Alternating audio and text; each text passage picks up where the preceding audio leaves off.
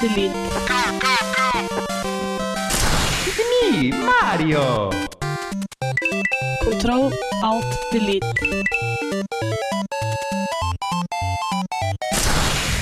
Unable to comply.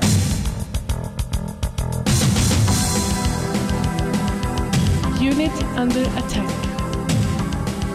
Auto shutdown. Sequence in progress. Ready to serve, my lord.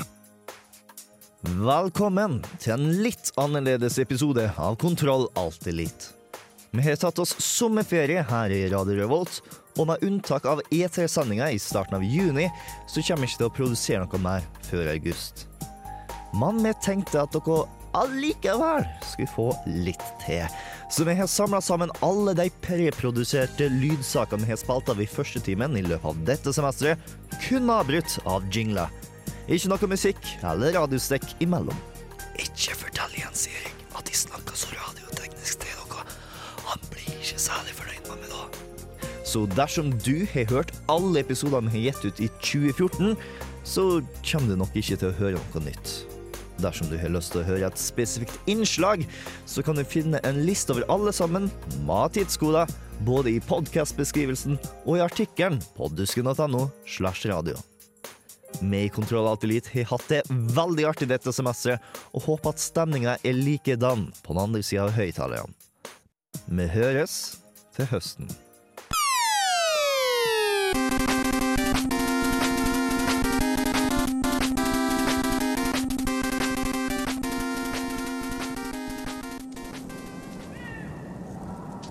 Alette. Listen, there's nothing you could have possibly. Dad, stop. Last night, I had a dream. Med utgangspunkt i skandinaviske myter og vikinghistorikk vever The Banner Saga en nydelig og oppslukende spillverden som står på randen av et ragnarok.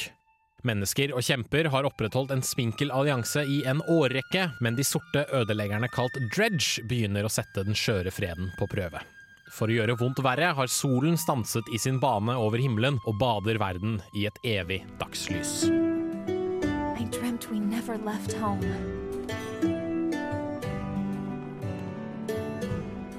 The Banner Saga er et tremannsprosjekt laget av tidligere BioWare-veteraner, og slikt sett står spillet i stil til hva man kan forvente av en gjeng med slik bakgrunn. Her er det formidling av historier og menneskeskjebner som står i fokus. I begynnelsen hopper historien mellom ulike personer, men fester seg etter kort tid på Rook, en tidligere skogvokter som må ta på seg ansvar for en hel landsby når den angripes av Dredge. På din vei gjennom spillverdenen må du fatte mange vanskelige valg som kan ha uante og dystre konsekvenser. Det store fokuset på historieformidling gjør at resten av spillmekanikken blir satt litt i bakgrunnen. Spillet er primært delt inn i tre deler, som består av din karavanes reise gjennom landskapet, bybesøk med påfølgende dialogtrær og moralske valg, og turbaserte kamper mot dredge, banditter eller andre soldater.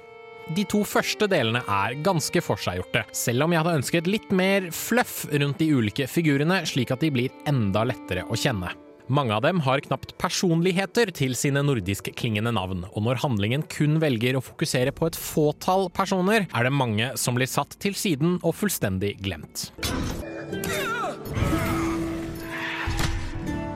I en kampsituasjon er det generelt to ting du må bry deg om. Styrke og panser. Styrken til figuren din er helsa deres, men også hvor mye skade de kan ta. Panser er hvor mye skade de kan motstå. Ved å hakke bort fiendens panser kan du lettere gjøre stor skade på dem, men du åpner samtidig for at de kan gjøre stor skade på deg ved at du ikke fjerner styrken deres. Dermed må du til stadighet balansere risiko og belønning når du planlegger neste trekk. Dessverre føles kampsystemet mer som jobb enn en givende spillmekanikk. Du vil for det meste gjenta de samme trekkene om igjen og om igjen for å oppnå ønsket resultat, og når du har funnet en kombinasjon av spillfigurer og angrep som fungerer for deg, er det sjelden vits i å prøve noe nytt. Spillet skal dog ha for at det aldri lar deg vinne uten en skikkelig innsats. Det er sjeldent du kommer deg ut av en kampsituasjon i The Banner Saga i fullstendig god behold. Slikt sett passer mekanikken inn i den tøffe og harde verdenen du blir presentert for. Den nydelige, håndtegnede grafikken skaper assosiasjoner til animasjonsmestere som Ralph Bakshi og Don Bluth, og et stemningsfullt lydspor binder det hele sammen med en sløyfe på toppen. Litt synd er det dermed at musikken noen ganger blir litt for høy og intens. Spesielt i de mest stressende kampsituasjonene. Ah! The Banner Saga lager en hard og dyster spillverden som gjenspeiles av de vanskelige situasjonene du må komme deg gjennom i løpet av den åtte timer lange spilletiden. Likevel brukes det ikke nok tid i denne verden, eller på å skildre dens individer, til at jeg har lyst til å bry meg i særlig stor grad om hva som skjer, eller hvem det skjer med. The Banner Saga blir dermed heller en fantasyroman jeg vil lese, framfor et spill jeg vil spille. Da kunne man latt seg selv dykke enda litt mer ned i den fascinerende verdenen. Karakter seks av ti.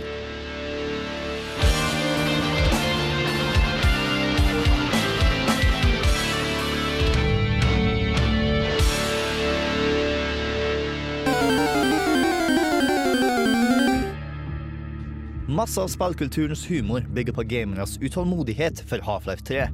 Man har venta lenger på Half-Life 3 enn på Half-Life 2.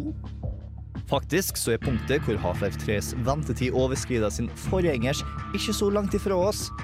Det ligger tre måneder tilbake i tid. Ventetiden mellom Half-Life 1 fra 98 og Half-Life 2 fra 04 er på seks år og åtte dager. Og i dag så er det seks år, tre måneder og tolv dager siden Half-Life 2 episode 2 kom ut i 07. Men sjøl om vi slår sammen begge disse ventetidene, så kommer vi ikke i nærheten av det spillet med den mest berykta ventetida. Duke Nukem Forever. Mellom Duke Nukem 3D fra 96 og Duke Nukem Forever fra 2011 så er det 15 år, fire måneder og 12 dager. La oss putte dette i perspektiv. På en like lang periode klarte The Beatles å komme sammen, skape noe av verdens beste musikk og slå opp. Og fremdeles ha fem år på å være sur på hverandre og ha solokarriere.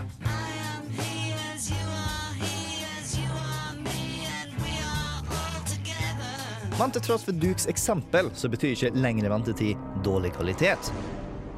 Mellom Fallout 2 i 98 til Fallout 3 i 08 er det 10 år og 21 dager. Du kan presse begge verdenskrigene inn i den samme mengden av tid. Krigen som, ironisk nok, endrer krigføring. Og mellom Metal Gear 2 Solid Snake fra 1990 og Metal Gear Solid i 98 er det 8 år, 1 måned og 14 dager. Det er en periode som er lengre enn Pierce Brosnans karriere som James Bond.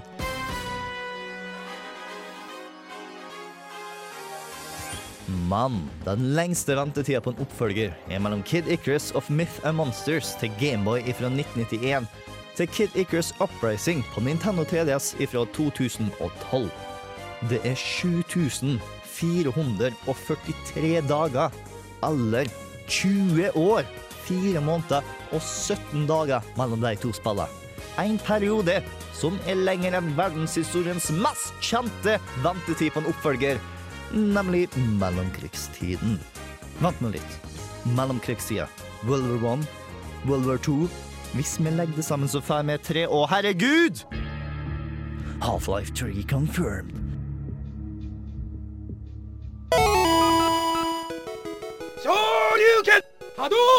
Kontroll alt delete.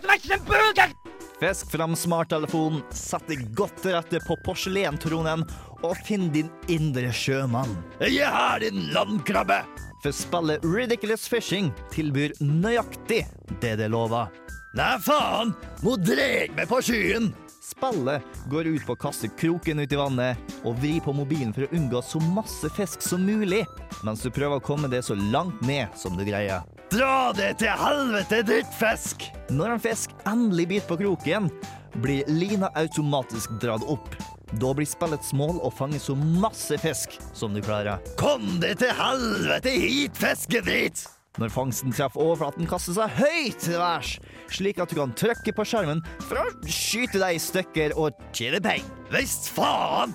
Sånn gjør vi det på skyen! Pengene bruker du på å oppgradere utstyret ditt, Så man får lengre line, bytte ut håndpistol med maskingevær og bazooka, og installere et bar på kroken så du kan drille det gjennom fisk på vei ned. Jævlig lite av tobakkspipa og tatoveringer, da! Kontrasten mellom å unngå for så å fange gjør gameplay elegant i sin enkelhet. Og sammen med sin særegne angulære grafikk og vimsete Twitter-rip-off med poster fra måka pingviner, er dette et spill som gir mersmak. Ei skjulig sjøvann! Hæ? Jeg, jeg tror ikke du vet helt hva som skjer ute på havet. Snørr opp sneppa! Har du vært på skyen, kanskje? Nei! Og dermed ikke du heller. Å ja. Fette faen!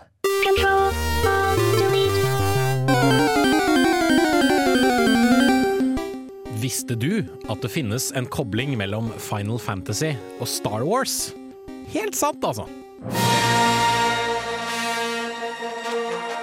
Du har kanskje hørt om radarparet Biggs og Wedge. De er som regel bakgrunnsfigurer i en rekke forskjellige Final Fantasy-spill, og er en referanse til Biggs, Darklighter og Wedge Antilles, to X-Wing-piloter i den opprinnelige Star Wars-trilogien. Biggs og Wedge har hatt mange forskjellige roller i løpet av Final Fantasy-spillene, men de ulike inkarnasjonene av duoen deler likevel visse trekk. De er som regel soldater som møter helten ganske tidlig i spillet, og har dessverre en lei tendens til å dø under litt kjipe omstendigheter. I Final Fantasy 6 ble de annet fordampet av en magisk Esper, og i Final Fantasy 7 fikk de en enorm betongplate sluppet på seg. Denne uheldige trenden ble snudd i Final Fantasy 8, der duoen klarte å overleve helt til slutten av spillet. Siden da har de dukket opp i både større og mindre roller, som alt fra blitzball-spillere i Final Fantasy 10 til ingeniører i Final Fantasy 14. Så neste gang du spiller Final Fantasy og møter på to fyrer ved navn Biggs og Wedge, tenk litt på hvor navnene kommer fra, og håp at de denne gangen ikke møter sitt endelikt på en grusom måte. Um, hello? Hey there, stranger! Ooh, so check me out. Oh dear. Oh, come on, get Target down. acquired. No, no, that's enough, that's enough, I swear. I'll, I'll never do it again. Oh, please, no, no more. Ah, ah! Please don't shoot me. Please don't shoot me. It was an accident. Who? Oh, come on, let's get down. Come on, everybody. Ow. Enkelte Star Wars-spill lar deg gjenoppleve de store scenene fra filmen. Enkelte Star Wars-spill lar John Williams melodier fylle bakgrunnene mens du nynner med. Enkelte Star Wars-spill lar det styre kraften og fekte med lasersverd. Republic Commandos er ikke et slikt spill. Det er et taktisk førstepersons skytespill hvor du opplever de mindre kjente delene av klonekrigen fra en kommandotropps øyne. John Williams satte side til fordel for dystre toner og militære trommeslag. Og her er ikke kraften din allierte. I stedet har du et sterkere og tryggere bånd med dine brødre i Delta Squad. Delta Squad, secure the market concourse. I was thinking we might find a good deal on a really big comb. Now's my chance to pick up those bandoliers I've always wanted. You can shop after you're dead, Deltas. Let's move. For om det er noe du kommer til å huske fra Republic Commandos, så er det de fire kronene fra Delta Squad med hver sin sterke personlighet. Du styrer RC1138, eller Boss. Den hardbarka lederen til troppen. You lizards need to learn that I'm a lot scarier than you. Under din kommando har du RC1140, også kjent som Fixer, den mest by the book-soldaten som noensinne har satt sine føtter på en galaktisk slagmark, og troppens hacker. Blast. What's that, sir? I didn't copy. Uh, just some interference on the comlink. Du har au RC1207. Sev, om du vil. Den blodtørste jegeren som lir av seg tørre, sarkastiske vitser mens han plukker fienden ned én etter én med sniperrifla si. Come out, come out, so I can kill you all. Og til slutt, min personlige favoritt, RC1262, Scorch blant venner, som er troppens vitsemaker og sprengningsekspert. We need to detonate the rocks to get through. And I'm not just saying that because I love to blow stuff up. Yes, you are. Sammen er de republikkens lynskarpe og presise skalpell i kronekrigens skygger. eller Ninja Turtles i verdensrommet. Alt etter som hvordan du ser på det. Sev, how many kills you got today, Psycho? With a new wise guy. Keep this calm clear, you two. Calm down, Fixer. Just having a little fun. Bortsett fra brødrene dine, så er det jeg liker best med spillet, hvordan det bruker subjektiv virkelighet.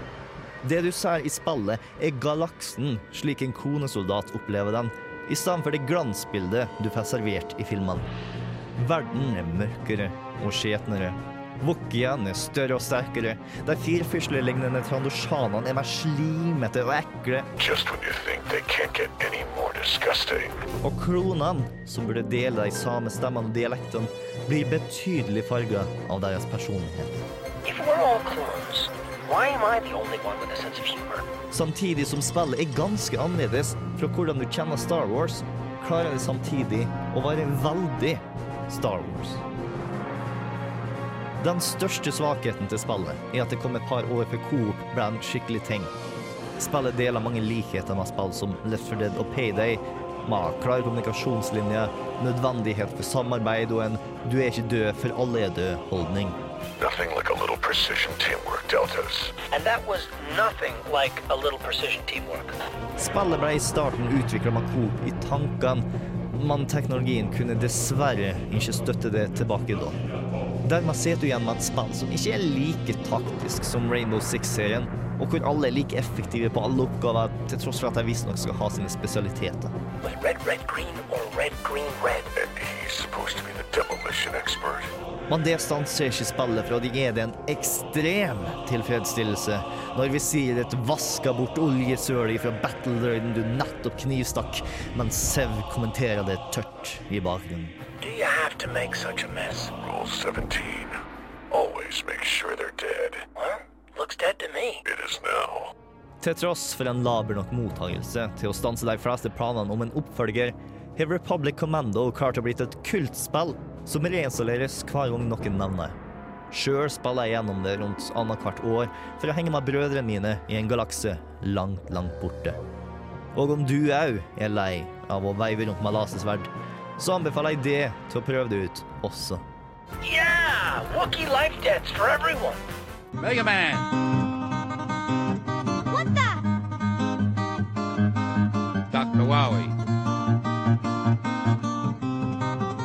And now for something completely different.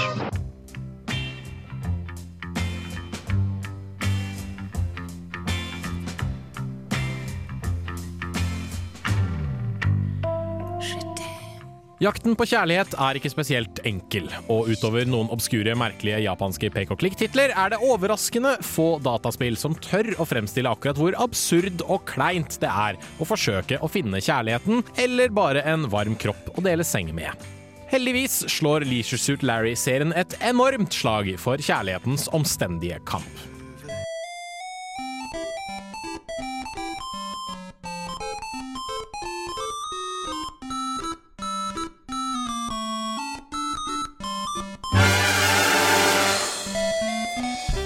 Som den evige taper og 40 år gamle jomfruen Larry Laffer skal du, ikledd en hvit 70-tallsdress og gullfarget bling, gjennom seks spill forsøke å finne hans utkårede. Alternativt holder det å finne ei som vil ligge med han. Larry er ikke direkte kresen på slikt. Det første spillet ble utviklet av Al Lowe hos Sierra Online i 1987 og var basert på det grafiske teksteventyret Soft Porn Adventure. Larry hadde syv timer på seg på å miste møydommen i byen Lost Wages, før han ble så deprimert at han velger å ta sitt eget liv. Med kun 100 dollar i lomma må han løse merkeligere og merkeligere oppgaver for å kunne gjøre kur til forskjellige jenter. Dette kunne vært alt fra å imponere dem på dansegulvet for så å gifte seg med dem, til å gi dem et eple kjøpt av en hjemløs mann. Alternativt, alternativt kunne du leie deg en prostituert, men da måtte du huske å bruke kondom, så Larry ikke dør av en seksuelt overførbar sykdom. Oh, hello there, boat babes. My name is Larry. Larry Laffer. Welcome aboard the PMS Bouncy, Laffer. Before this cruise is over, she'll be falling all over me. I likhet med andre Sierra-spill var ikke Leisure Suit Larry spesielt enkelt å komme seg gjennom, og vanskelighetsgraden ble gjerne verre lenger ut i serien. I Leisure Suit Larry Goes Looking for Love in Several Wrong Places, aka Larry 2, var ulike hendelser i spillet bestemt av en usynlig klokke, og om du ikke var på riktig sted til riktig tid, kunne du potensielt ende opp fullstendig strandet, uten mulighet til å komme deg videre. Dette ble heldigvis fikset på i påfølgende spill, og vanskelighetsgraden ble heldigvis jekket litt ned da Larry 5 og 6 kom ut. Selv om det kun finnes seks spill i serien, ender den likevel opp på nummer syv, noe som har forvirret en del mennesker opp gjennom årene. Det finnes nemlig ingen Larry 4, som i ettertid fikk undertittelen The Missing Floppies. Dette var delvis fordi serieskaper Al Lowe aldri kom på hvordan han skulle fortsette serien etter Larry 3, og pga. teknisk trøbbel under spillets utvikling. Dermed var det lettere å bare hoppe over hele sulamitten og gå rett på femmeren.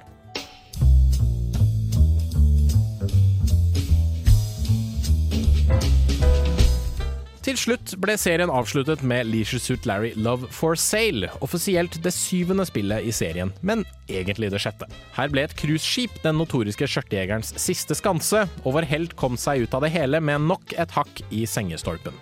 Dessverre fikk vi ikke se et nytt Leisure Suit Larry-spill før 2004, og da var det Laffers nivå Larry Lovage som hadde overtatt stafettpinnen.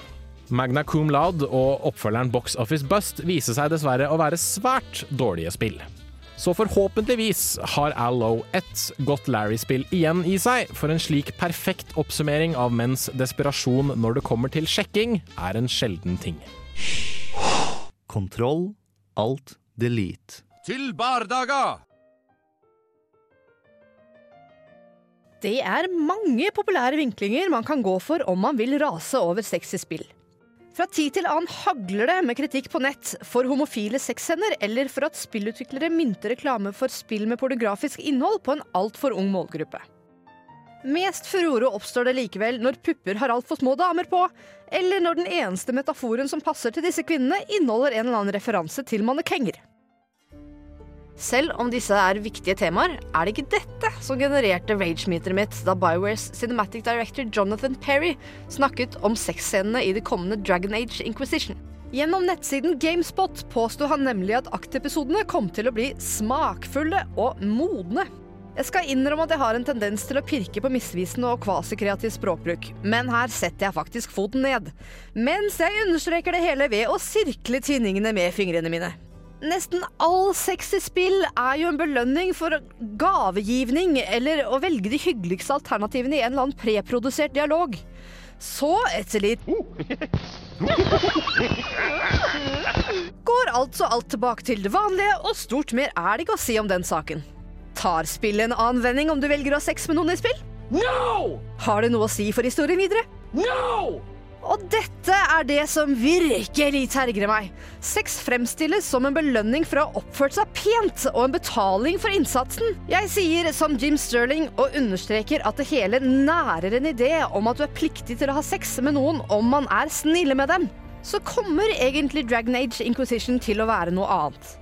I det samme intervjuet sier BioWare at sex skal være klimakset etter å ha tilbrakt mye tid med en karakter. Ålreit, her er greia, BioWare. Romanse og seksualitet er ikke det samme som sex. Dere er kjente for godt manus og bør være litt interessert i å gi romanse litt nyanse. Og dere bør gi litt mindre beng i intimitet og tenke litt mer på menneskelige relasjoner. Spilljournalist og forfatter Leigh Alexander påpekte at den subtile og gripende følelsen av å holde hender med Yorda i Iko gir mye mer intimitet enn det Mass Effect presterer. Måten lillebror klamrer seg til storebrors skuldre når de må svømme i Brothers, er et forholdsvis lite grep, men gir en fantastisk karakterdybde. Jeg kunne også ha snakket lenge om vel om Companion Cubes, men nå håper jeg du allerede har tatt poenget. Skal man ha sex i spill for sexens skyld, kan man i det minste kalle en spade for en spade. Men om det da er modent og smakfullt How about new?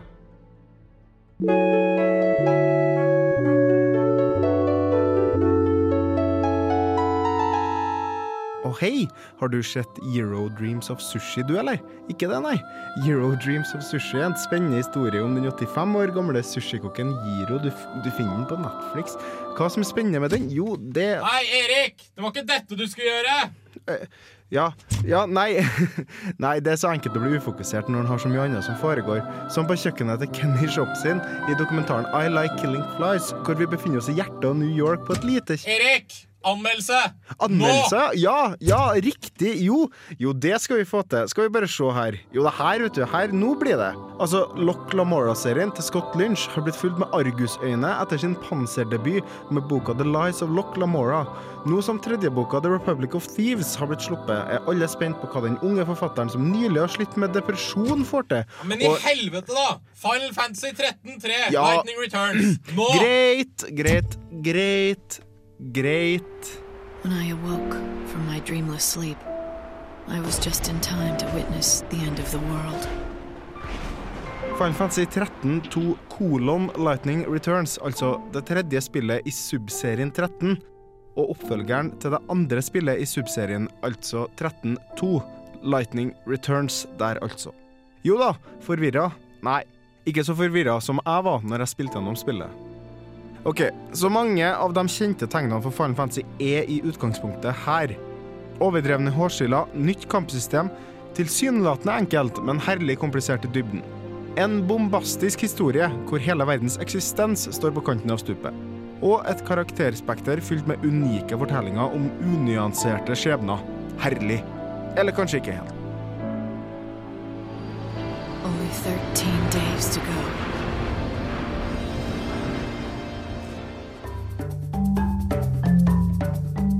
Problemet er at jeg ikke blir sugd inn på noe som helst vis. Alt er så grått, kjedelig og mm, Det er ikke gjort før, det er bare ikke gjort bra nok. Det er vaffel uten brunost, det er pizza med bare skinke, det er pisslunken dals. Jeg vil rett og slett gjøre noe annet enn å spille spillet. Selve kampsystemet, som lar deg skifte klær og spillestiler basert på fienden, er spennende og kul, men ikke spennende nok til at Lightning alene gjør opp for valgfriheten en jeg hadde tidligere i Final Fantasy-spill, med flere karakterer i kampene. Det hadde drivet til Final Fantasy 13, men ikke stort mer enn det.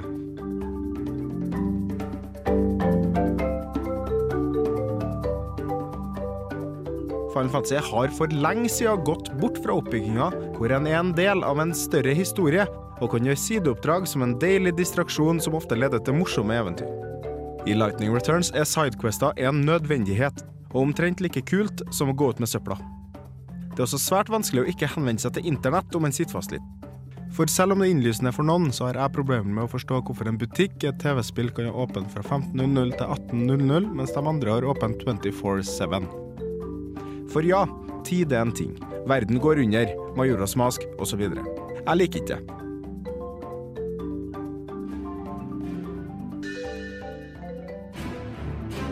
Det kjennes ut som en falsk gimmick som skal gi meg følelsen av press og driv.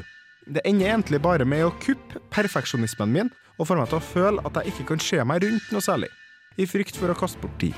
For denne tida får han ikke tilbake, før en starter spillet på nytt. Teit. Nei, for min del så kan Cocoon og resten av Final Fantasy 13 sin verden gå under. Nå er det den tredje gangen den nesten gjør det, så da burde de kanskje ta hintet. Lightning er en mindre spennende person enn Yetin Umaro fra Final Fantasy 6 eller Cloud i rullestolen fra Final Fantasy 7. Ja ja, det er i hvert fall pent, da. Nei da, det er OK, men det har verken brunost eller syltetøy på, så jeg gir Final Fantasy 13 Lightning Returns 6 av 10. For det ser og høres i hvert fall bra ut. I hvert fall på japansk. それが答えかライトニング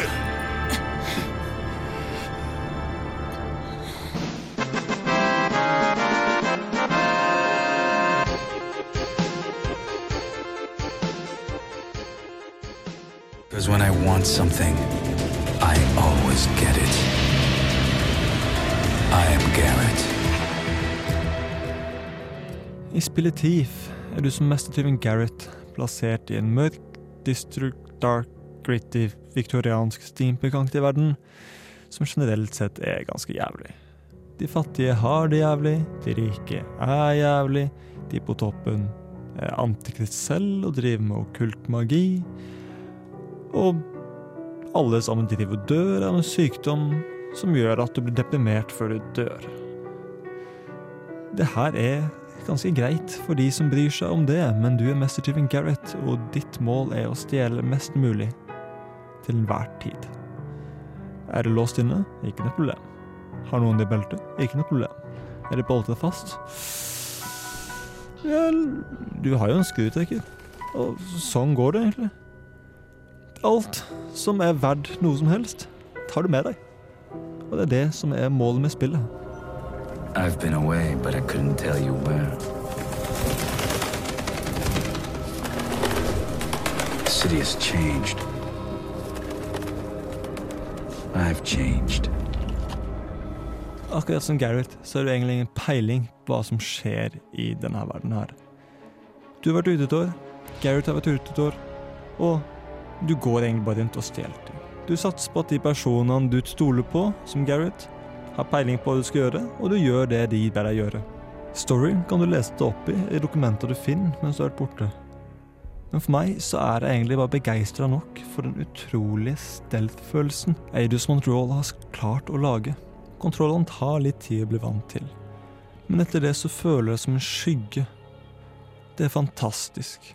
Du stjeler ting, og kontrollene er kjempesjeldent i veien. Det er noen barnesykdommer generelt i spillet. Av og til er det noen glitches, og det er noen bugs. Level-designet er litt vanskelig å forstå til tider. Og eh, lyden er av og til litt å synke. Utenom det så er jeg utrolig imponert over spillet. Det er bare latterlig bra. Åtte av ti. I need to get out of here. Time to vanish.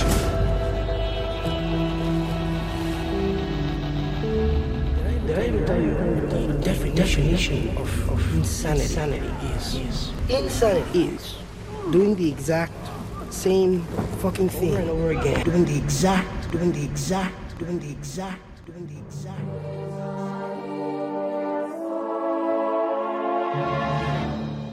Det høres egentlig ut som en umulig oppgave å lage et turbasert rollespill som skal føles som det foregår i en South Park-episode. Det er likevel det Obsidian har forsøkt å gjøre med spillet South Park The Stick of Truth, og jaggu har de ikke klart det òg. We'll see if you're a real doctor. Give her an abortion. Do it! Fra første sekund så merker du at dette her, det er ikke et spill som alle andre. Mest iøynefallende er jo så klart den klassiske todimensjonale South Park-tegnestilen som hele spillet foregår i. For det andre så biter man seg raskt merke i at språkbruk og grafikk er ganske frisk. Folk banner hele tida i god South Park-stil. Og jaggu fersker du ikke folk i å onanere, bli vitne til en brutal analsondering, og innvoller, blod, gørr, sæd og bæsj, det er til stede gjennom hele spillet. Is this your first time getting probed? Yeah, it's a pain, but this is the kind of stuff you put up with living in a remote little mountain town. At least we don't have to deal with traffic. Spillet er uten tvil det groveste jeg har spilt, men det provoserer meg ikke. Det ville ha provosert meg mer om det ikke var så grovt. Historien er litt eh, surrete. Du er den nye gutten i South Park, og du blir involvert i et slags live-rollespill med de andre barna. Men i tillegg så har vi en aldri så liten romvesensituasjon. Vi har nazizombier som rusler rundt i gatene, og det er en stor government conspiracy. Men det funker.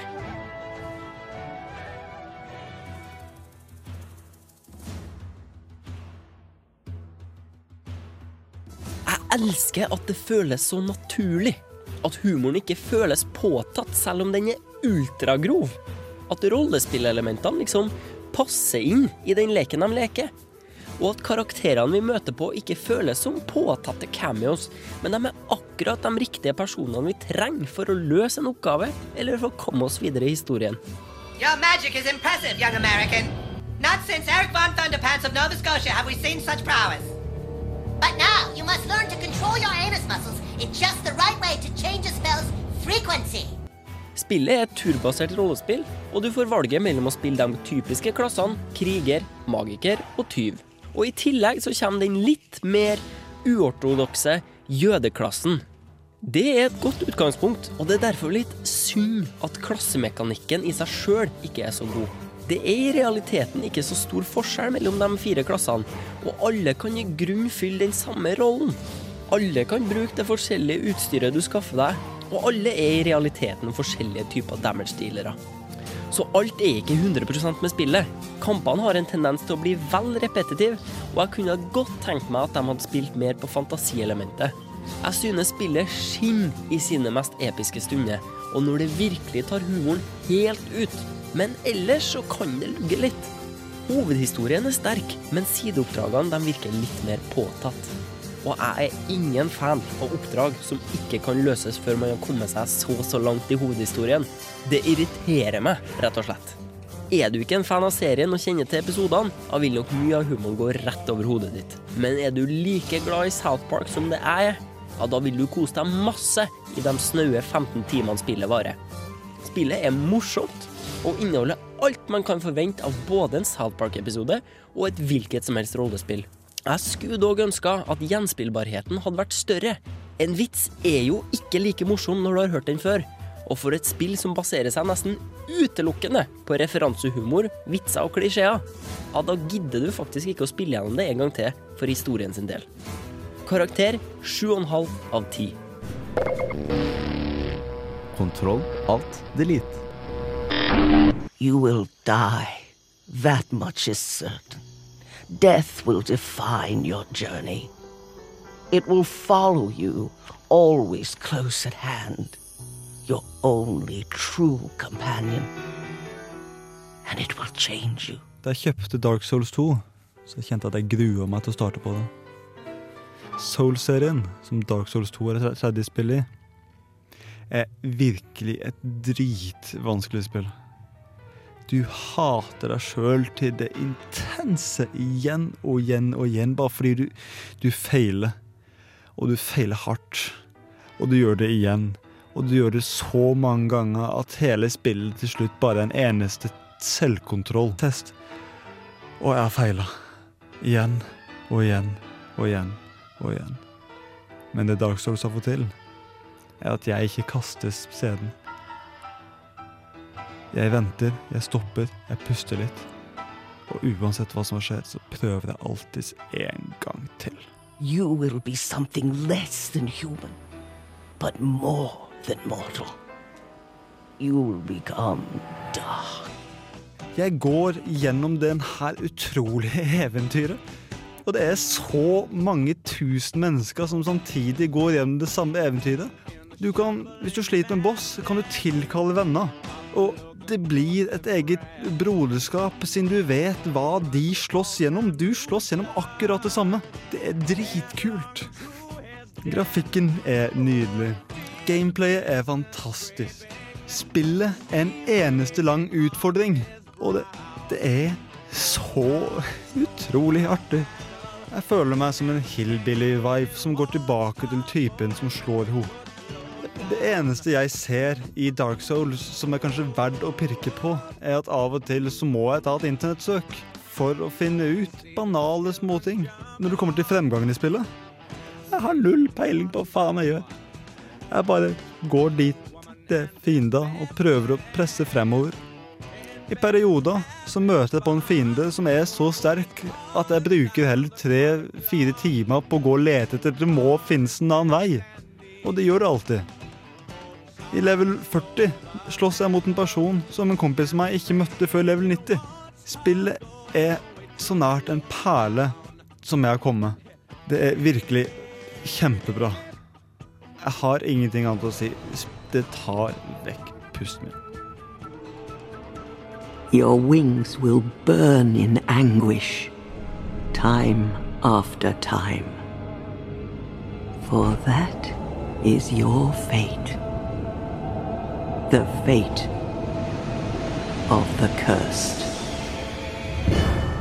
9,5 av 10. Kontroll. Whose footprints are these? Alt. Delete, delete, delete!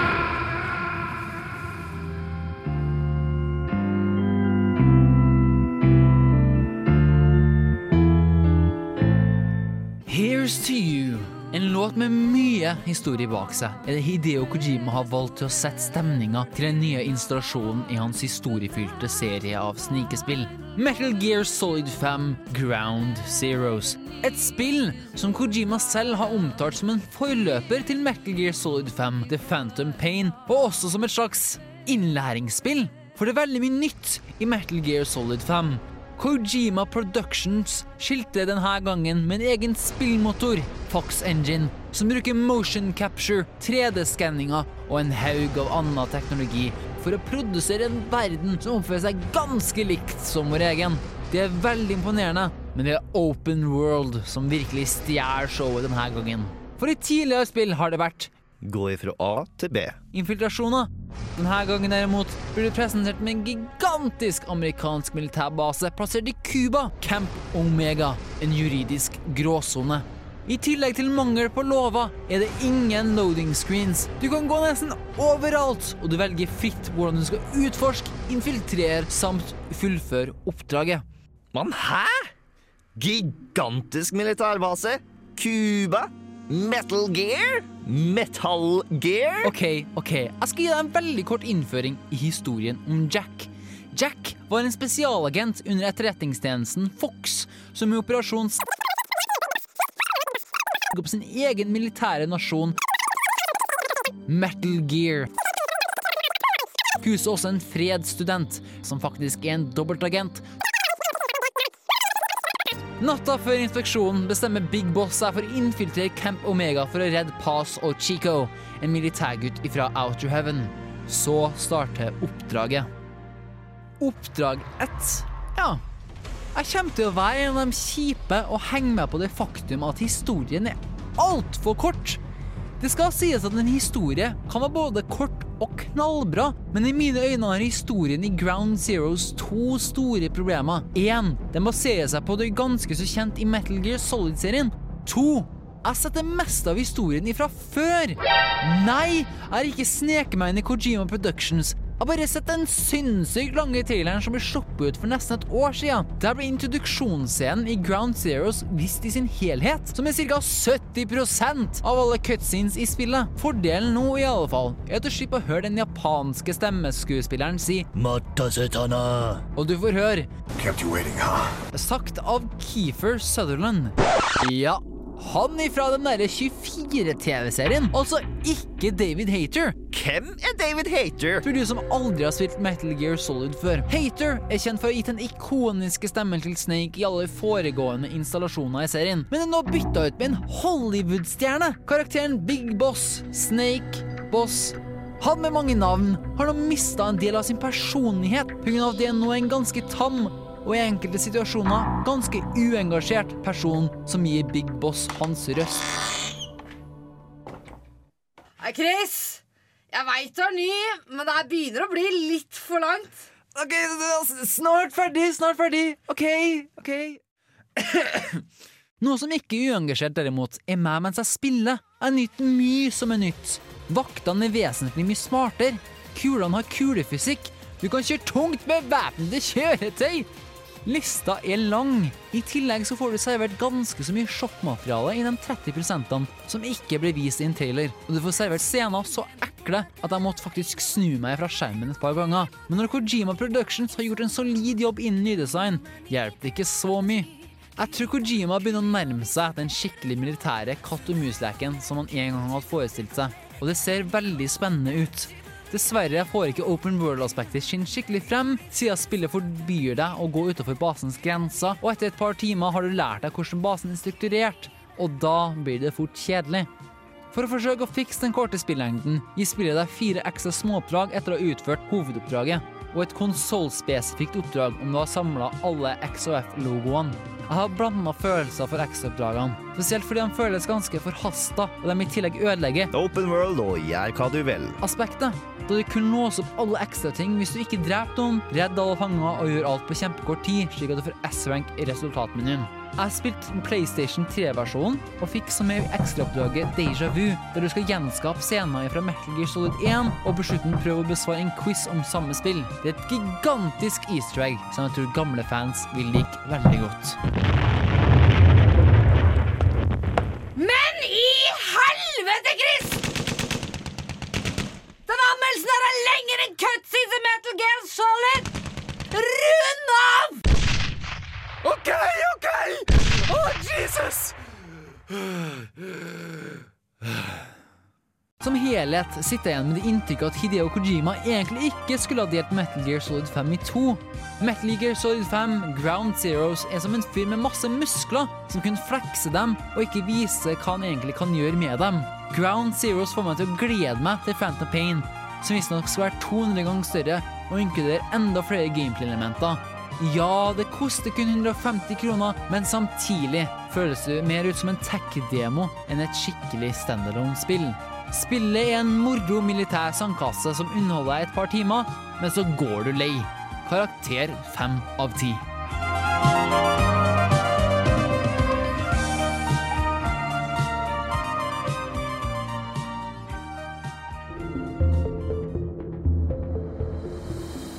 I'm Commander Shepard, and this is my favorite show on the Citadel. Jazzpunk.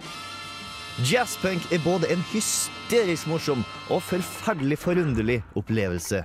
Det består av en hel haug med elementer som vi aldri har sett sammen før, og som fungerer masse bedre sammen enn de burde få lov til. Spillmekanisk føles det som en blanding av gode, gamle eventyrspill som LucasArts produserte tilbake i tiden, men logikk som ikke helt henger på greip. How appropriate! You fight like a cow. Blanda med energien og ADHD-taktene til WarioWare-serien. Dette kommer ganske godt med, da humoren minner en god del om Monty Python og deres abstrakte ablegøyer. This parrot is no more. It has ceased to be. This is a late parrot. Og dersom dette ikke var merkelig nok, så blir vi presentert til en verden i førstepersonsperspektiv fylt av tredimensjonale toalettskiltfigurer. Og denne verden er for øvrig sterkt inspirert av sant 50-talls popstil og kald krigsspionasje. Huh, nei! Wow, dette ble litt for masse. L litt for mange referanser der. Eh, La oss heller prøve å komme oss til kjernen til spillet, med å bryte ned det fantastiske navnet hans. Jazz. Jazz er en musikksjanger kjent for å være friflytende og improviserende. Føler musikeren for en saksofonsolo? Vel, hei. Hei, hei, hei. Da blir det en saksofonsolo like lang som det de føler for. Hvor stykket går hen, avgjøres i gjerningsøyeblikket. Punk. Punk er musikksjanger som rett en hard mellomfinger mot de etablerte reglene. De vil ikke følge reglene som er satt opp, og vil heller gjøre sin ting uten noe budsjett enn å ta ei eneste krone fra noen andre for å gjøre noe de ikke har lyst til. For punken så er friheten fra det etablerte alt. Polka. Polka er folkemusikk fra Sentral-Europa som blir brukt til å spille opp til dans. Eh, Polka har ikke noe med spillet eller denne anvendelsen å gjøre.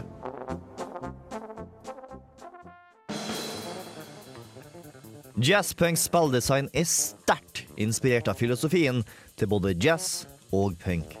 Det er en haug med småspill gjemt inne i spillet som ikke kan ha tatt spillutviklerne stort mer enn én dag å mekke, takket være spillets ekstremt simple design. Det er her filosofien til jazz kommer inn. For eksempel. I løpet av det første kvarteret så trykka jeg på et par tilfeldige plasser. Dermed ble jeg bedt av en fremmed om å pirke smulene av fjeset hans. Og så gikk jeg inn på en kino, kun for å plage de andre i salen med sigarrøyk og popkornkasting.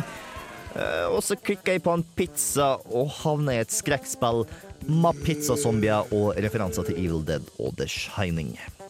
Og hvorfor det? Spør du kanskje. Hvorfor ikke? Er spørsmålet jazzpunk stiller tilbake. Og mens spillet viser sin kjærlighet for spill med å parodiere klassikere som Space Invader, Frogger og Street Fighter, så bryr de seg ikke sånn spesielt hardt om å leve opp til de etablerte forventningene til et spill. Og her dukker punkens tankegang opp. Det er ikke noe poeng i det du gjør, og plottet er nærmere the meaning of life enn the life of Brian, om du kan tilgi min Monty Python. Utfordring er ikke-eksisterende. Da spiller vel heller at du skal komme til løsninger kjapt, siden løsninga er punchline i vitsen de forteller for øyeblikket. Med den designfilosofien vet du aldri hva du kan forvente fra jazzpunk før du har opplevd det. Med en lengde på to timer, så tar det ikke lang tid å oppleve det meste. Og humoren får dermed aldri sjans til å bli gammel eller oppbrukt. Jazzpunk er et briljant, bisart spill som er en kavalkade av øyeblikk som tar deg på sengekanten og spenner lattermusklene dine. Jeg dreg ofte fram indiespill som utforsker hvordan spill fungerer, men sjeldent får jeg sjansen til å trekke fram noe som både er så morsomt og så rett på nesa som jazzpunk. Karakter ni ut av ti. Lommerusk. Lommerusk! Lommerusk, ja. Spill du får plass til i lomma. Komponentene her blir utsatt for kosmiske stråler. Metaller fordamper og fyller luften med rare lukter. En fin forandring fra den permanente stanken av svette. Jeg kan lukte brent sukker og den delikat salte duften av et usynlig hav. Out There, utviklet av Miklos Studio for Android og EOS, er fylt av slike melankolske dagboktekster. En ensom astronauts tanker, der han driver ute i verdensrommet. Du styrer denne astronauten, som la seg i dyp kryosøvn for reisen mellom jorden og Jupiter en gang i det 22. århundre. Du våkner opp, et annet sted, en annen tid, noe har gått galt. Du er der ute. Nå må du overleve en ferd mellom stjernene, hjulpet av teknologi skjenket av romvesener du ikke vet hvem er. Hvis denne forklaringen etterlater deg med flere spørsmål enn svar, er ikke det så rart. Out There er et spill som holder kortene tett til brystet, og løfter kun lett på sløret for å gi et glimt av et stort, mørkt og vidunderlig univers. Miklos har forstått kunsten å ikke fortelle mer enn det som behøves. På spillets stjernekart trykker jeg meg fra solsystem til solsystem, hver med sine planeter jeg kan lande på. Alle tegnet i fantastiske farger. Jeg vil alltid se litt mer, møte enda et romvesen, lese én til dagbok. Derfor vil jeg overleve denne reisen. For å lykkes er det viktigste å forvalte ressursene dine riktig. Hvis du trenger jern for å tette hullene i skroget ditt, må du bruke drivstoff og ikke minst oksygen for å lande på en egnet planet for å hente det. Begynner du å gå tom for drivstoff, kan du hente det på nærmeste gassplanet, men den sterke atmosfæren vil skade skipet ditt. Går du tom for en av disse, oksygen, drivstoff eller skrog, er spillet over, ingen lagring, start på nytt. Out There føles på denne måten mer som et travelt marked enn noe annet. Spillets gang blir en rekke av transaksjoner, en ressurs mot en annen, mens du håper at du får mer igjen enn det du ga for det. Vanskeligere blir det når du ikke helt vet hva det er du kjøper, og ikke helt vet hva du må betale for det. Skal jeg gå inn i den etterlatte romstasjonen? De vil nok gå utover en av mine reserver, men, men hvilket? Kommer det jeg får til å være verdt det? Håpet om å oppgradere skipet mitt med mektig romvesenteknologi drar meg inn i mørket atter en gang. Det er også her spillet kan bli litt frustrerende. Jeg føler meg mest lurt når jeg plutselig får en av spillets tilfeldige hendelser slengt i trynet. En drivstoffledning sprekker, eller en komponent svikter, og plutselig driver jeg maktesløs i det store intet. Noen ganger er det en lekse å lære, mens andre ganger er det ikke annet å gjøre enn å håpe på bedre flaks neste gang. For det blir som regel en neste gang. De mystiske smakebitene gjør at jeg fortsetter. Løfter om enda en puslebit fra dette mørke og lunefulle universet motiverer meg til å starte enda et nytt spill. Jeg kaster meg ut der i det store intet enda en gang. Out There leverer en dyp spilleropplevelse av typen jeg har savnet på nettbrettet mitt. Den er verken et spill som jeg heller skulle sett på en datamaskin, eller enda en app på toppen av freemium-haugen. Jeg gir Out There åtte av ti tonn med jern. La oss håpe det er nok til å reparere reaktoren. Good as new, I think. Am I leaking? Hello? Wait. Hello? Is that. Hello? Oh no, not again! Take me with you. Thanks anyway. Neimen, hei du! Ja, du der som hører på det jeg sier. Har du tenkt å ha det koselig i påsken? Lese litt påskekrim? Anmelde Bioshock Infinite Burial at Sea? Ja Unnskyld, jeg mener Would you kindly Anmelde Bioshock Infinite Burial at Sea! Så klart kan jeg det! Førstepersonsskytespillet Bioshock Infinite og Bioshock-serien har nå fått sine siste tilleggspakker. Burial at Sea episode 1 og 2. For det viser seg at Ken Levine har lyst til å kødde litt mer med hodet ditt, der Bioshock Infinite fikk meg til å gå What the fuck? Tar Burial at Sea forvirringsgraden ett steg høyere, og når rulleteksten gikk på slutten, utbrøt hjernen min What the fuck? Her er greia. Bioshock Infinite var det første spillet i serien som innførte teorien om alternative univers. Altså teorien om at det f.eks. finnes et univers der jeg hvisker denne anmeldelsen, og et annet univers der jeg brøler denne anmeldelsen så høyt jeg kan! Det finnes et univers for ethvert utfall en situasjon kan ha. Burial at Sea starter i et alternativt univers som ikke er den samme som i hovedhistorien til Bioshock Infinite. Der får vi et uforventet gjensyn med detektiven Booker DeWitt, som lever i undervannsbyen Rapture, kjent ifra Bioshock 1. Dagen før det viktige året i Bioshock 1, 1959, dukker en ganske voksen Elizabeth opp på kontoret hans. Booker kjenner hun ikke igjen, og av en eller annen grunn later Elizabeth som at hun ikke kjenner igjen Booker. Hun har dog et oppdrag til henne. Finn ei savna jente ved navn Sally. Slik starter den seks timer lange historien fordelt utover to episoder, som vil gi deg mer hodebry enn de fleste påskekrimmer. I første episode spiller du som Booker på jakt etter jenta Sally. En ting som merkes ganske umiddelbart i spillet, er forskjellen fra hovedspillet Bioshock Infinite. I Burial at Sea har ikke Irrational Games bare gått inn for at det her skal foregå i Rapture istedenfor Columbia, men også at spillmekanikken skal føles likt som den gangen da en gikk inn i Rapture for første gang i Bioshock 1. Tidlig i spillet må du tenke smart, siden fiendene har uendelig av kuler, mens du har veldig få. Først når Elisabeth røper at hun kan åpne portaler mellom de forskjellige universene, begynner du å få overtaket.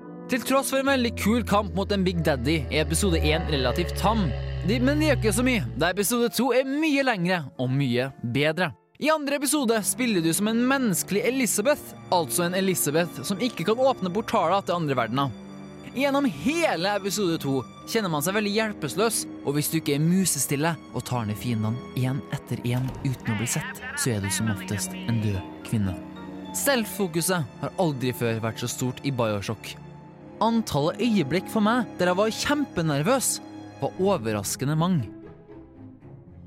Burial at Sea er en veldig annerledes tilleggspakke. Kontrasten mellom skybyen Colombia og undervannsbyen Rapture kunne ikke vært sterkere. Tanken om alternative univers kunne ikke ha blitt gjort mer forvirrende. Hjernen min kunne ikke ha skreket What the fuck? høyere. Det her og mye annet fører til at jeg elsker Burial at Sea. Selv om det er en del rare tekniske feil inniblant, og en del ting er ikke helt gjennomført, så blir jeg bare sugd mer og mer inn i det forvirrende Bioshock-universet i løpet av de seks tilleggspakketimene. Men så er Bioshock-serien over. For alltid. Og bare så det er sagt, Bioshock-serien fikk en verdig avslutning. Så om du har mye tid i påska og digger hodebry, Gjør deg sjøl en gigantisk tjeneste. Kjøp Bioshock 1 og 2 og Infinite med alt av tilleggspakka, og spill ifra start til slutt. A lamb chooses, a slave obeys. Karakter 9 av 10.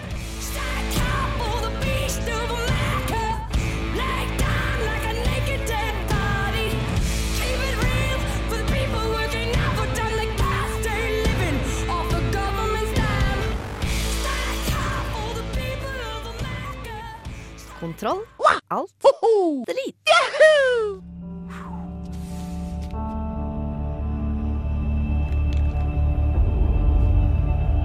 You have any idea how embarrassing it is for me to keep arresting my own brother over and over again? Maybe you should stop arresting your brother over and over and you over think this again. is a joke? No, I is don't. Is this how you want to leave your mark on the world, huh? Syv år har gått siden hendelsene i Infamous 1 og 2, der Cole McGrath ofret seg selv for å redde verden fra The Beast. Likevel er ikke alt fryd og gammen. Såkalte conduits, mennesker som kan manipulere hverdagslige materialer på ulike måter, eksisterer fortsatt og betraktes av omverdenen med stor mistenksomhet og frykt. Med dette som utgangspunkt sparker Infamous Second Son opp døra til den nyeste spillgenerasjonen med et brak, og viser hva som er mulig med forbedret maskinvare i stuekonsollene våre.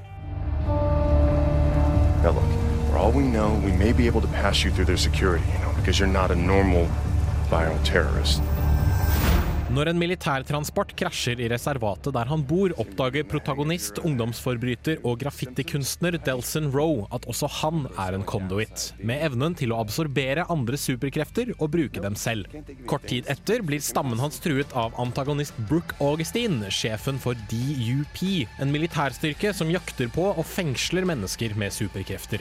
Dermed må Delsin og broren Reggie reise til Seattle for å få has på Augustine, redde Akomish-stammen som de tilhører, og kanskje absorbere noen ekstra superkrefter i samme slengen. All right, I got this whole thing figured out. We hit the town, maybe swing by the Space Needle, always wanted to see it, and then we're back home to save some lives. You do realize when we hit the town, there's a fair chance the town's gonna, you know, head back? Infamous Second Son bygger videre på historie, spillmekanikk og de moralske valgene fra sine forgjengere, samtidig som det endelig klarer å overbevise om at vi er inne i en ny spillgenerasjon. Dette er tydeligst i grafikken, som utnytter den økte maskinkraften i PlayStation 4 så langt det lar seg gjøre. Seattle er en vakker by å utforske, og utviklerne i Sucker Punch Productions har klart å skape en spillverden med nok ekstrainnhold til at du får lyst til å utforske byen, uten at det tar for mye fokus vekk fra hovedhistorien. Delsins vei fra ung pøbel til superhelt eller superskurk er ikke nødvendigvis spesielt nyskapende, men historien fortelles likevel godt og overbevisende. En stor del av kaka må absolutt gå til stemmeskuespillerne Troy Baker og Travis Willingham, som henholdsvis spiller Delsin og broren Reggie. De er begge meget dyktige skuespillere, og klarer å få Delsin og Reggie til å virke som troverdige brødre som krangler om både små og store ting. Av de to er det nok Delsin som er den svakeste rent karaktermessig, for han er ikke spesielt spennende av seg, og fremstår som en typisk ungdomskriminell vi har sett utallige ganger før. Your uh, symptoms. Right? of course, the only downside being that, uh... Nope, can't think of anything. This is pretty freaking awesome. Røyk, neon, video og betong er utgangspunktet for kreftene Delsin absorberer i løpet av historien. Disse fungerer generelt ganske likt, og kan skytes ut av Delsins hender som forskjellige prosjektiler. Likevel har hvert materiale sitt unike særpreg, som tvinger deg til å forandre spillestilen din avhengig av hva du har i arsenalet ditt. I tillegg gir det deg mange morsomme måter å klatre bygninger på.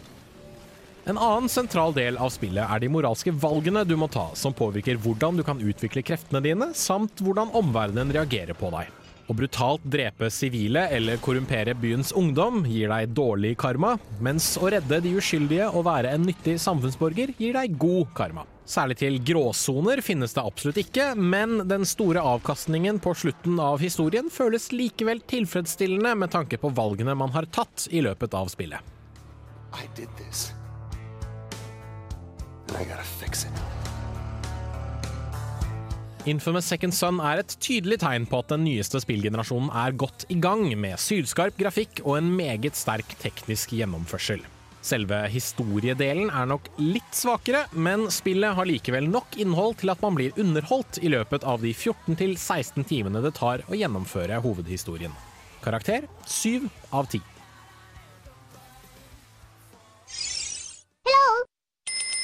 Look!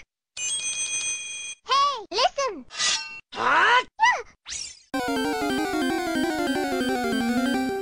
Hei! Vet du hva som har vært kult? Den frasen er utrolig mektig når det kommer til spilldesign.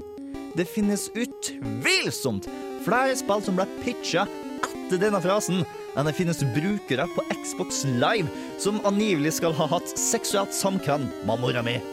Men visste du at med å dukke opp godt ut i spillutviklinga endra denne enkle frasen allerede gode spill til industridefinerende titler? I 1986 fikk en gjeng i Nintendo oppgaven om å lage et actionspill som kunne følge opp plattformsuksessen Super Mario Bros. og eventyrhytten The Legend of Zelda. Spillet, som hadde arbeidstittelen Space Hunter, hadde en kar i romrustning som reiste rundt på en monsterbefengt planet. Det er helt til en av utviklerne sa Hei, vet du hva som var kult? Om personen inni drakten var ei dame. Da spillet kom ut under navnet Metroid, ble det det første spillet hvor du styrte ei kvinne i stedet for å redde ei.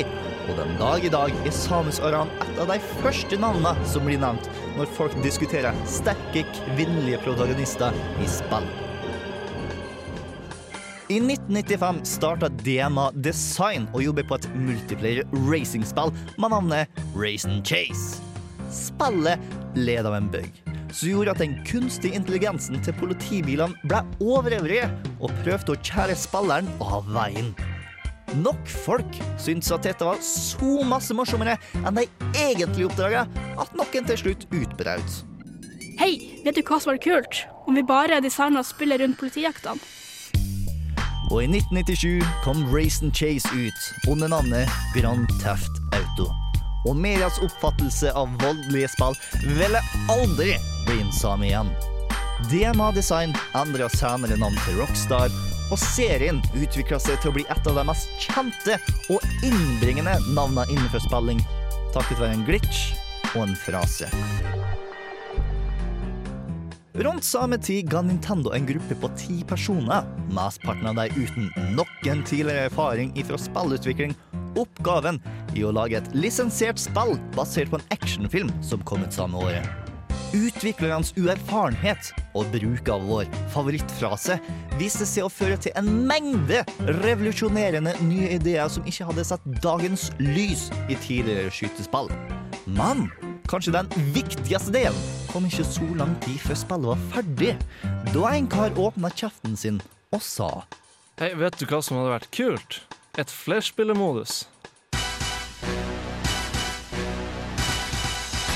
To år etter filmens utgivelse kom spillet Golden Eye ut på Nintendo 64. Gullstandarden for skytespillkonsoll ble satt der og da. Og multiplayeren gjorde spillet uendelig populært, og spillerne ekstremt engasjerte. Bare feiginger og kvinnfolk velger oddjob. Dette til tross for at utviklerne aldri sa ifra til sjefene sine om at de mekka på modusen før en kar koda den ferdig på fritida si. Så moralen i leksa er at spørsmålet er ikke å være eller ikke være, men heller Hei! Vet du hva som har vært kult?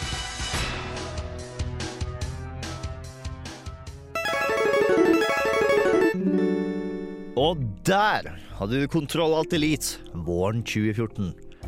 Dersom du har lyst til å ta del i programmet vårt neste semester, så kan du nå oss på nerd1radiorevolt.no. Der kan du sende inn spørsmål som blir stilt i studio, spillcover til spillcoverspalten vår, forslag til tema vi kan snakke om, eller bare si hei. Vi blir alltid glad når vi hører fra lytterne våre, i stedet for bare den andre veien rundt. Du kan like oss på Facebook under navnet Radio Revolt presenterer Kontroll Alt Elite. Vi kommer nok ikke til å poste så masse i løpet av sommeren, men det er en fin måte å få med seg når de nye episodene kommer ut. Og så har vi Twitter-kontoen vår, rr-spill, som eh, Vel, den kommer ikke til å spamme ned Twitter-feeden din. Og det var vel det. Nei, vet du hva. Jeg bruker ikke så godt denne tida til å tipse dere om et par andre podkaster som dere kan høre på i løpet av sommeren. Selvfølgelig har Radio Revolt en mengde snacks om du liker film, bøker, mat, populærvitenskap, humor eller tøys. Alt av det finner du på dusken.no slash radio. Men jeg vil også ta og nevne et par av mine personlige favoritter. Jeg er veldig glad i The Thrilling Adventure Hour, som er et radioteaterpodkast som parodierer 40- og 50-tallets radioteater, med serier som Sparks Nevada, Marshall on Mars, som er en blanding av sci-fi og western. Nathan Fillion dukka faktisk opp et par ganger der.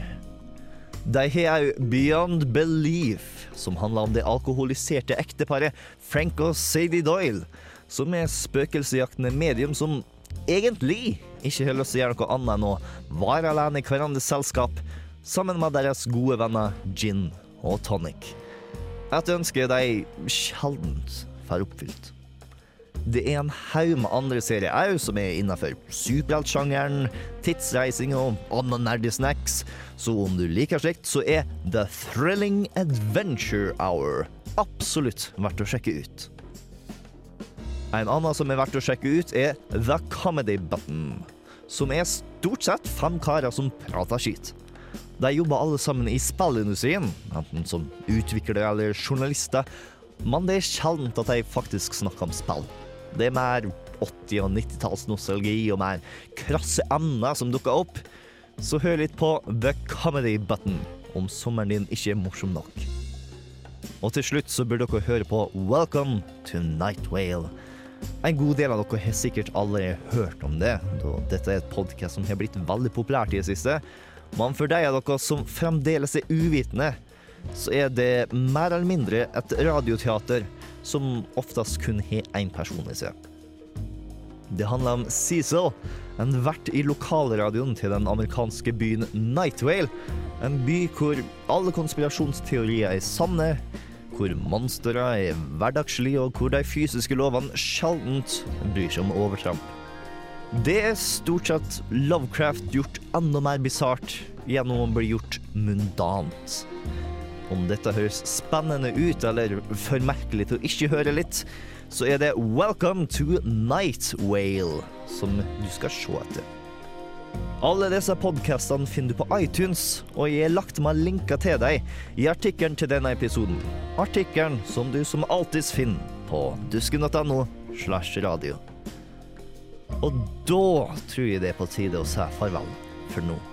Vi høres etter E3, og så får dere ha en god sommer. Kontroll, alt, delete. Today we made a difference. Eagle 6 out.